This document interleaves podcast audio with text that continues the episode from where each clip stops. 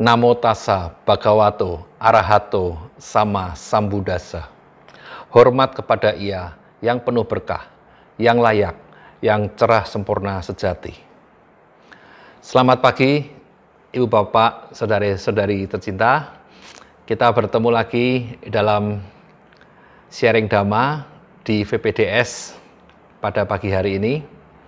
Kali ini saya Handaka Wijananda akan membawakan tema mengenai utusan dewa atau dalam bahasa Pali disebut sebagai dewa duta atau divine messenger bahasa Inggrisnya.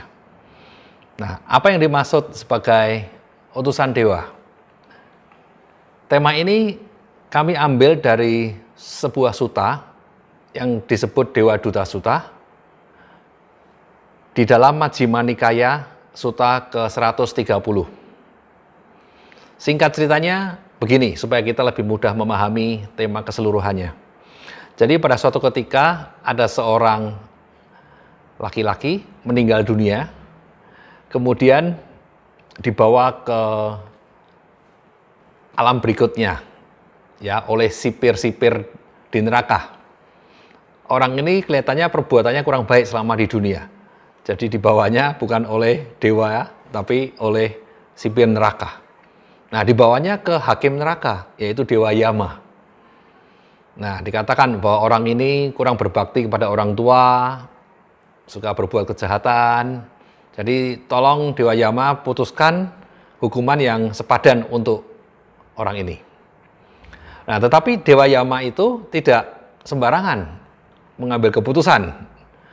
Nah, Dewa Yama konon selalu menanyakan menanyakan beberapa pertanyaan kepada orang-orang yang masuk atau menghadap ke Dewa Yama. Nah, pertanyaannya kali ini ada lima, Bapak Ibu. Pertanyaan pertama ditanya, apakah kamu pernah bertemu atau tahu utusan dewa yang pertama?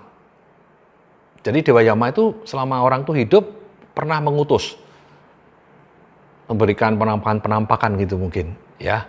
Nah orang ini kan tidak ngerti. Oh saya tidak mengerti itu apa itu dewa utusan utusan dewa yang pertama. Oh kamu pernah nggak lihat bayi yang baru lahir? Oh ya tentu saja saya pernah lihat. Nah itulah utusan dewa utusan saya yang pertama. Maksudnya bagaimana? Nah melihat bayi lahir menangis ya kemudian mengompol dikatakan di suta tersebut ya. Itu memasuki alam kehidupan yang penuh penderitaan. Harusnya kamu tuh prihatin sehingga kamu tidak berbuat jahat banyak berbuat kebajikan. Wah maaf dewa saya tidak mengerti pesan moralnya seperti itu. Nah ini kamu bisa dihukum kalau tidak mengerti seperti itu. Tapi saya tes lagi dengan pertanyaan berikutnya yang kedua, pernah nggak kamu melihat utusan dewa yang kedua? Apa itu? Yaitu orang tua yang sudah bungkuk, giginya ompong, rambutnya putih, ya, berjalan pakai tongkat mungkin. Oh, saya pernah lihat orang tua seperti itu. Nah, itu utusan saya. Kalau kamu mengetahui orang tua itu, harusnya kamu lebih prihatin hidupnya. Jangan berbuat jahat, banyak berbuat kebajikan. Tapi kenyataannya kamu malah seperti itu perbuatannya. Nah, kamu bisa dihukum. Tapi saya kasih kesempatan lagi. Ya, pernah nggak kamu melihat utusan dewa yang ketiga? Apa itu dewa? Itu orang sakit. Ya, harusnya lihat orang sakit. Ya, kamu juga prihatin bahwa kamu juga bisa sakit. Kamu tidak mengatasi kesakitan, tapi malah kamu berbuat jahat. Saya tanya lagi sekarang, pertanyaan keempat. Pernah nggak kamu ketemu dengan utusan saya yang keempat? Apa itu? Orang jahat, kriminal. Ya berbuat kejahatan, terus ditangkap, ditahan gitu ya, dihukum ya. Harusnya bagaimana? Harusnya kamu prihatin, jangan berbuat kejahatan. Udah tahu perbuatan jahat itu pasti membawa kesengsaraan bagi diri sendiri maupun orang lain. Nah, tapi kamu malah hidup seperti itu. Mohon maaf, Dewa saya tidak paham. Nah, saya kasih kesempatan terakhir kalau kamu pernah lihat satu ini, mengerti satu ini, mungkin kamu bisa dikurangi hukumannya. Apakah yang kelima itu? utusan dewa yang kelima, yaitu orang mati. Orang yang meninggal dunia. Ya, sudah terbujur, kaku, tidak bisa apa-apa. Harusnya kamu mengetahui bahwa dirimu juga akan mati. Tidak terhindar dari kematian, tidak mengatasi kematian. Harusnya kamu prihatin hidupnya. Menjauhi perbuatan jahat. Banyak melakukan kebajikan selagi masih hidup. Tetapi kamu ternyata saya kasih lima pertanyaan tidak paham semuanya. Selama hidup, kamu tidak ada perenungan terhadap lima utusan dewa ini. Akhirnya, Dewa Yama mengatakan pada para sipir neraka, silakan orang ini kalau mau dibawa ke neraka, dihukum sesuai dengan karmanya selama di dunia. Sampai suatu hari mungkin sudah terbebas dari hukumannya, ya nanti lanjut lagi dalam pengembaraan kehidupannya. Nah, Bapak Ibu, analogi atau alegori tentang utusan dewa ini diceritakan oleh Buddha Gotama, guru kita. Ini cukup terkenal. Ada versi yang tiga utusan, ada juga versi yang barusan saya ceritakan ada lima utusan. Semua dari Majjhima Nikaya 130 yang lima versi ini. Ya. Jadi apa pesan moral yang bisa kita petik dari perenungan. Buddha itu mengingatkan kita harusnya kita selalu merenungi tentang kelahiran, tentang tadi apa uh, sakit atau kesakitan, penuaan, juga pelapukan dan kejahatan dan juga terakhirnya kematian. Ada beberapa yang saya coba rangkum karena waktu kita terbatas.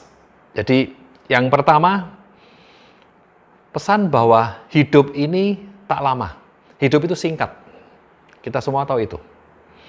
Saya memetik dari berbagai suta di kitab suci Tipitaka Pali. Saya membiasakan diri kalau memberikan sharing dhamma itu dengan mengutip langsung dari Buddha. Saya hanya berusaha memberikan ulasan-ulasannya biar tidak keliru gitu ya atau ya terbatas dengan pemahaman saya tentunya. Jadi Buddha pernah mengatakan bahwa hidup ini singkat. Nah, kalau Anda pernah dengar life is short begitu, ya pepatahnya. Itu ternyata aslinya Buddha yang berkata. Ya, Buddha mengatakan di dalam Anggutara Nikaya kelompok 7 Sutta ke-70. Buddha mengatakan, saya bacakan, bisa Bapak Ibu baca sama-sama juga di dalam slide demi slide ini. Hidup ini singkat, bagai setetes embun di ujung rumput, segera lenyap tatkala mentari terbit.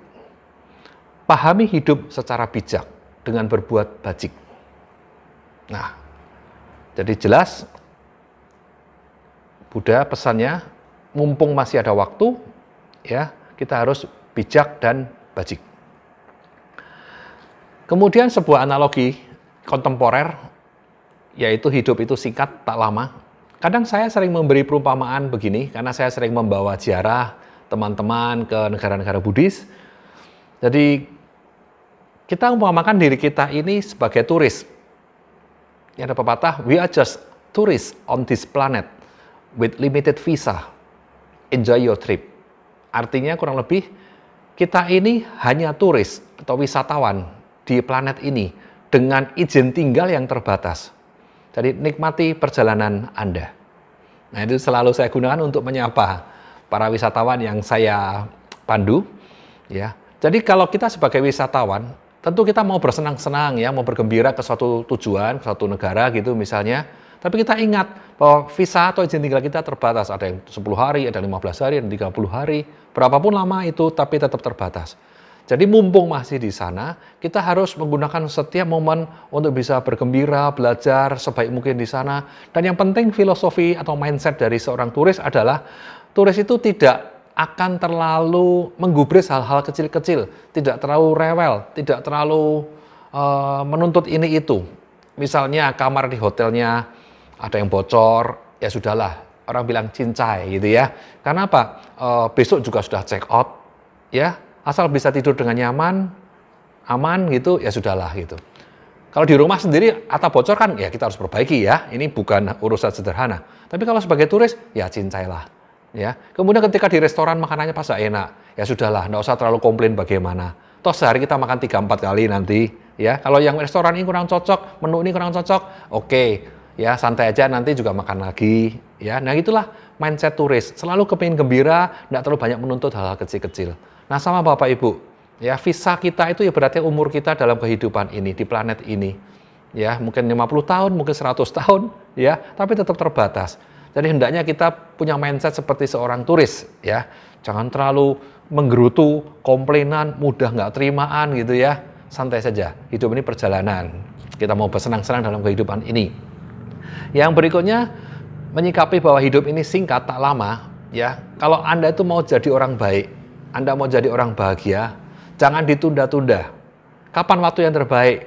Now, at the present moment. Ya, this time. Ya, jadi mumpung masih sempat, cepet-cepetlah ya berbuat baik. Sempet dan cepat berbuat baik. Kalau mau gembira juga jangan ditunda-tunda ya cepetan mumpung masih ada waktu. Nah, itu perenungan pertama mengenai utusan dewa, kehidupan dan kematian. Yang berikutnya adalah tadi hidup itu singkat. Yang berikutnya hidup itu tak pasti. Nah, ini tak pasti ya, kita semua tahu. Kita semua tahu, tapi tahukah Anda bahwa Buddha Gautama itu membicarakan mengenai ini itu ada ada sutanya loh, ya, ada literaturnya. Bagaimana sabda langsung Buddha mengenai ini? Kita baca sama-sama Buddha Gautama dalam Dhammapada Atthakata 174. Kehidupanku tidaklah pasti, kematianku adalah pasti. Aku pasti akan mati. Kematian akan menjadi akhir hidupku. Hidup itu tak pasti, mati itu pasti. Nah, begitulah sabda Buddha. Ini bisa Anda jadikan perenungan yang Anda terus ingat sering-sering, ngiang-ngiangkan terus bahwa hidup itu tak pasti. Sesuatu hal yang pasti dalam hidup ini cuma satu, yaitu kematian itu sendiri. Ya, mati itu pasti. Nyata Buddha mengatakan hal tersebut. Berikutnya renungan suta lagi dari Sang Yuta Nikaya 15, suta ke-9. Ini menarik sekali. Ketika saya pribadi membaca suta ini, saya itu merasa takut, merasa gemetar Bapak Ibu ini testimoni pribadi ya. Jadi uh, menimbulkan suatu rasa, waduh kok hidup ini betul-betul tak menentu, tak pasti ya nggak bisa dipastikan kalau kita berbuat baik pasti selamat, kalau kita berbuat jahat pasti celaka, ya itu ada waktunya. Tapi nyata ada juga bilang kok orang jahat juga kok nggak dapat hukumannya. Nah itu bukan urusan kita, itu karma masing-masing ya. Tapi sulit sekali membuat satu kepastian dalam kehidupan ini Bapak Ibu. Ya. Nah ini ada satu suta yang intinya kalau saya ceritakan itu Buddha itu satu ketika bicara kepada para biku ya Buddha mengatakan bahwa uh, kita tuh hidup itu tidak pasti ibaratnya kita melempar tongkat melempar tongkat ya tongkat itu kan ada ujung atas ujung bawah dan ada tengahnya nah kita lempar satu kali dia akan jatuh tongkat itu ya kadang jatuh di pas di tengahnya nah begitu kemudian kita lempar kedua kalinya kadang di bagian ujung yang atasnya atau yang sebelah kiri misalnya gitu.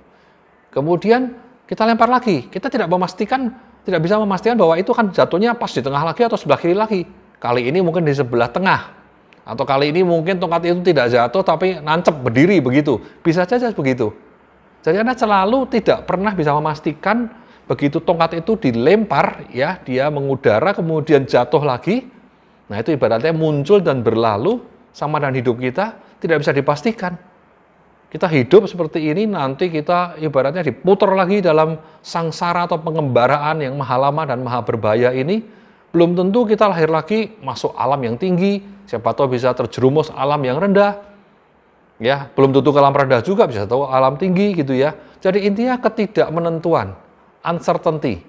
Nah, membaca suta ini saya tuh mengeri, ngeri gitu Bapak Ibu, merasa timbul satu, waduh, semua tidak pasti, tidak pasti, tidak pasti gitu ya. Nah, Buddha juga mengatakan itu, karena hidup sendiri tidak pasti ya. Jadi, sebaiknya kita itu tidak berlama-lama terus mengembara dalam sangsara yang penuh dengan ibaratnya gambling atau perjudian ini. Ya, ya terus memenuhi pekuburan Buddha bilang terus e, berderak air mata ya. Seharusnya semua ini cukup menjadi motivasi kita untuk tidak bernafsu terhadap sangsara ini lagi. Sudah cukup mengembara dalam ketidakpastian ini. Dan yang terakhir perenungan mengenai ketidakpastian. Ini saya cuplik dari Sutta Nipata 3 ayat ke-12. Nah ini menarik, ini sempat jadi uh, pepatah Buddhis favorit saya pribadi yang bunyinya adalah Yena Yena Himanyanti Tatotang Hoti Anyata. Artinya adalah apa pun yang dibayangkan itu pasti menjadi lain. Nah ini bagaimana maksudnya Bapak Ibu? Kalau segala sesuatu yang kita pikirkan, kita bayangkan, ya kita rencanakan itu belum tentu belum tentu sesuai dengan pikiran kita atau kehendak kita Nah ini kan sebetulnya cukup menyeramkan ya. Tapi ada teman bilang, kalau gitu buat apa kita planning? Kalau segala satu tidak menentu, tidak pasti. Ya ng ngapain bikin anggaran, bikin budgeting, bikin planning ya. Oh bukan begitu menyikapinya. Kita ini bikin planning ya, susah payah pun ya. Ternyata hasilnya belum tentu sesuai dengan harapan kita atau dengan rencana kita. Apalagi tidak bikin planning. Katakan kalau bikin planning kita tuh melesetnya tuh 10%. Kalau nggak bikin planning, itu lebih berbahaya. Mungkin presetnya 90%. ya, Nah itu analogi ya Bapak Ibu. Tetap kita harus menyikapi secara positif bahwa kita harus merencanakan yang terbaik. Ya, biarpun kita tidak tahu pasti akan bagaimana, karena memang tidak menentu, tidak pasti. Dan tapi kita tidak perlu terlalu melekati planning kita. Plan-plan aja. Tapi jangan kalau hasilnya tidak sesuai rencana kita, ya nanti kita marah-marah, menyalahkan diri sendiri atau menyalahkan orang lain. Nah, itu bukan sikap yang benar ya. Tapi kita oke, okay, cukup. Ternyata tidak sesuai rencana, nanti kita belajar sesuatu lagi dari sini, bagaimana rencana lebih baik lagi, ya, usaha lagi. Namanya juga usaha kan ya, tidak boleh menyerah, ya. Oke. Okay. Jadi itu satu uh, kaidah-kaidah alam yang Buddha isyaratkan pada kita semua ya apa pun yang dibayangkan itu pasti menjadi lain jadinya ya. Waduh, bahaya nih gitu ya. Nah, jadi saya sendiri sekarang gara-gara kalimat itu saya menjadi tidak terlalu lekat-lekat amat terhadap planning, targeting, budgeting ya. Ya tetap di planning dengan bagus sebaik dengan manajemen semuanya tetapi ya jalaninya dengan penuh kelonggaran hati, kemakluman kalau misalnya tidak mencapai sesuai yang direncanakan.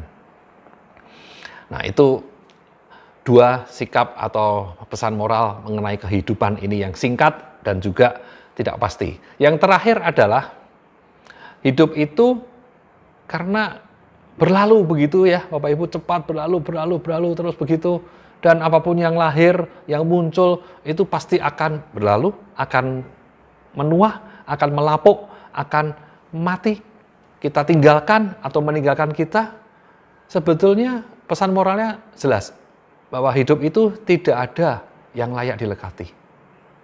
Ya, ini yang terakhir. Jadi Buddha mengatakan dalam kata-kata beliau sendiri dalam Anggota Nikaya 7 Sutta ke-58 yaitu Sabe damang nalang abiniwe saya. Artinya adalah segala sesuatu tidak layak dilekati. Tidak layak dicengkrami. Enggak ada. Tapi kalau keluarga bagaimana? Kalau harta bagaimana? Kalau hidup ini sendiri katanya kan berharga. Saya ulang ya Bapak Ibu ya. Kata Buddha bukan kata saya ya. Nothing is worth holding to. Segala sesuatu, segala sesuatu, ampi, segala sesuatu tidak layak dilekati. Jadi apa pun itu. Sabe dhamma. Sabe itu semua, dhamma itu fenomena, ya, eh, peristiwa, sesuatu, apa pun ya tidak ada yang melekati. Ya, mau melekat apa pun tetap aja kita tidak bisa melekati, tidak bisa memiliki ya betul-betul kok. Saya sering bikin perumpamaan, hidup itu ibaratnya kita tuh tidak punya hak milik terhadap kehidupan ini. Kita tuh cuma hak pakai atau hak kontrak atau hak sewa, hak guna, hak guna hidup ya. Ada HGB, hak guna bangunan, ada juga hak guna hidup.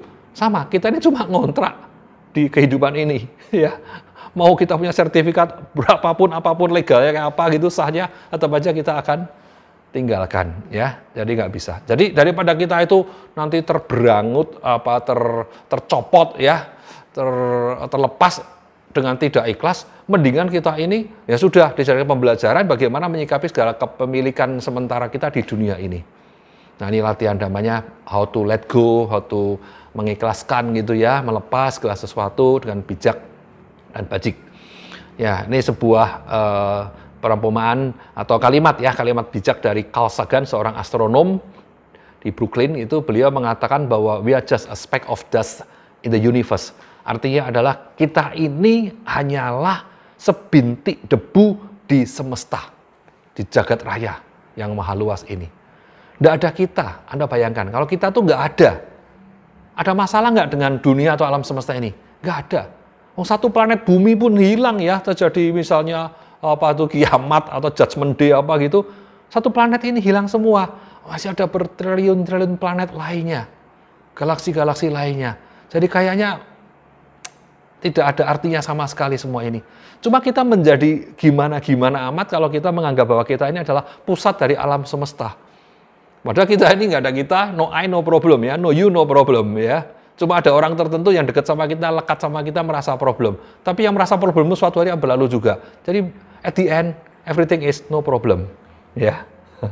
Oke, berikutnya lagi mengenai bahwa hidup tak layak dilekati Buddha dalam Dhammapada ayat ke-6 mengatakan Mari kita baca bersama. Orang tidak memahami, di dunia ini kita bakal mati. Orang yang memahami ini akan meredakan pertikaian. Ya.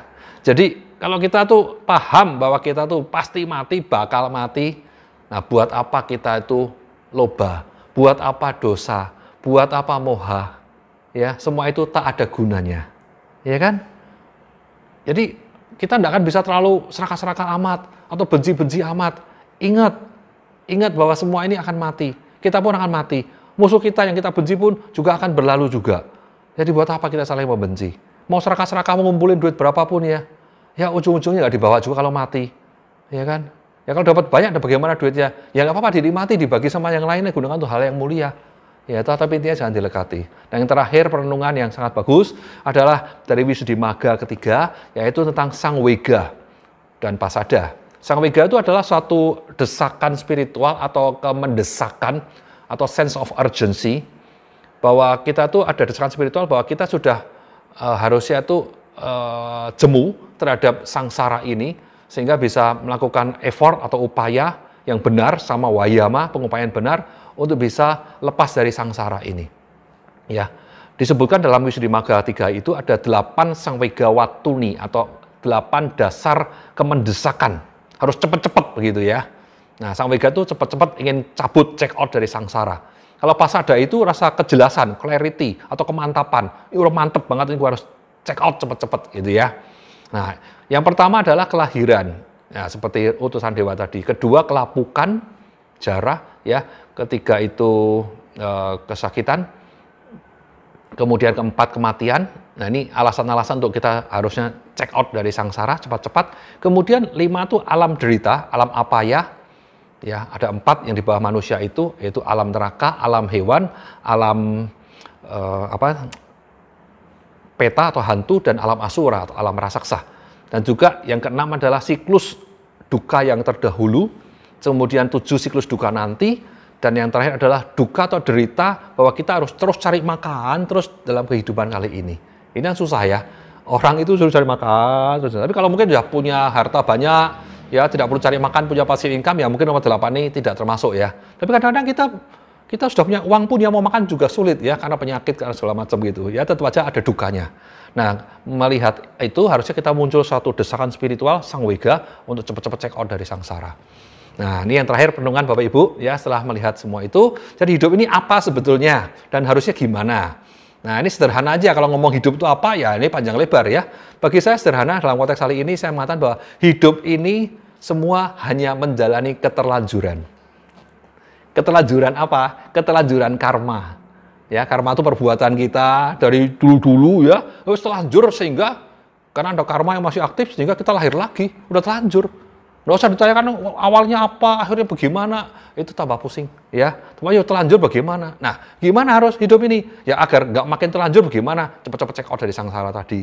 Dan agar nggak sia-sia, mau masih hidup, kita boleh sia-siakan karena kehidupan berharga, supaya nggak sia-sia. Nah, jadi tujuan hidup itu buat apa? Tujuannya apa? Ya, ini saya proposalkan secara singkat, lain kali kita bahas lebih lanjut lagi. Yang pertama, tujuan, bukan pertama, tujuan kedua, ya, yang sekunder dulu. Habis itu yang primer. Tujuan sekunder, hidup ini harus gimana? Buat apa? Hidup ini tujuan sekundernya harus gembira. Gembira, riang, ceria. Ya, gembira. Jadi kita itu sehari-hari bagaimana kita belajar, kita e, berperilaku, ya, Berpikir harus mudah gembira. Kalau pas gembira itu diawet-awet yang lama gembiranya dan sering-sering gembira. Nah ini bisa gembira sendirian, lebih bagus lagi gembira bersama-sama teman-teman. Ya, karena apa semua ini berlalu Bapak Ibu? Ibarat naik kereta api, ekspres begitu ya, mumpung belum sampai tujuan akhir yaitu kematian kita, ya toh bersenang-senanglah sebagai wisatawan itu, gembira dalam perjalanan ya, jangan sampai merugi. Kalau susah sedikit pun satu detik aja sudah rugi banget sebetulnya itu. Pokoknya apa pun keadaan, diusahakan bisa tetap gembira terus. Ya, kedua, yang nah, tujuan primernya apa? tujuan utama dari hidup ini ya adalah to grow, untuk bertumbuh. Bertumbuh. Entah suka, entah duka. Kalau tadi kan suka-suka ya. Nah itu gembira-gembira. Misalnya mengalami hal yang tidak mengenakan, duka, penderitaan, kesakitan bagaimana. Oke, nggak apa-apa, tak terhindarkan. Tapi kita tetap bisa ambil pesan moralnya, pembelajarannya, learningnya, to grow, bagaimana saya tumbuh. Tumbuh dalam hal apa? Dalam hal aloba, adosa, amoha. Karena tiga hal ini adalah elemen atau syarat untuk nibana kepadaman. Yaitu keadaan batin yang ikhlas, welas, dan mawas. Ya, nanti kita bahas lain kali mengenai apa itu ikhlas, welas, mawas. Tapi apa pun, ya kita belajar supaya hidup ini bisa makin mudah, ikhlas, melepas, murah hati. Ya, kemudian welas, penuh welas asih, cinta kasih, kasih sayang, ya. Dan yang terakhir adalah amoha atau mawas, ya bebas dari kekeliruan batin, ya, bisa introspeksi terus, terus tumbuh dalam tiga hal tersebut. Nah, caranya macam-macam Bapak Ibu. Kali ini saya ingatkan, uh, nah ingat ingat apa? Ingat mati, ya, ingat kematian. Jadi kembali ke utusan dewa tadi itu, ingat lahir, ingat kehidupan, kejahatan, ya, penuaan, pelapukan, dan paling penting adalah ingat mati. Nah, Buddha meresapkan suatu metode meditasi yang namanya Maranasati dalam anggota Nikaya 6 Suta ke-19 yaitu perenungan kematian. Buddha tanya kepada beberapa biku, 6 biku waktu itu, apa kalian suka merenungi atau ingat kalau kalian kalian bisa meninggal dunia gitu. Oh ya, biku pertama mengatakan bahwa saya satu hari satu kali ingat mati. Bagus. Yang kedua, saat saya tiap kali siang ya, ingat mati.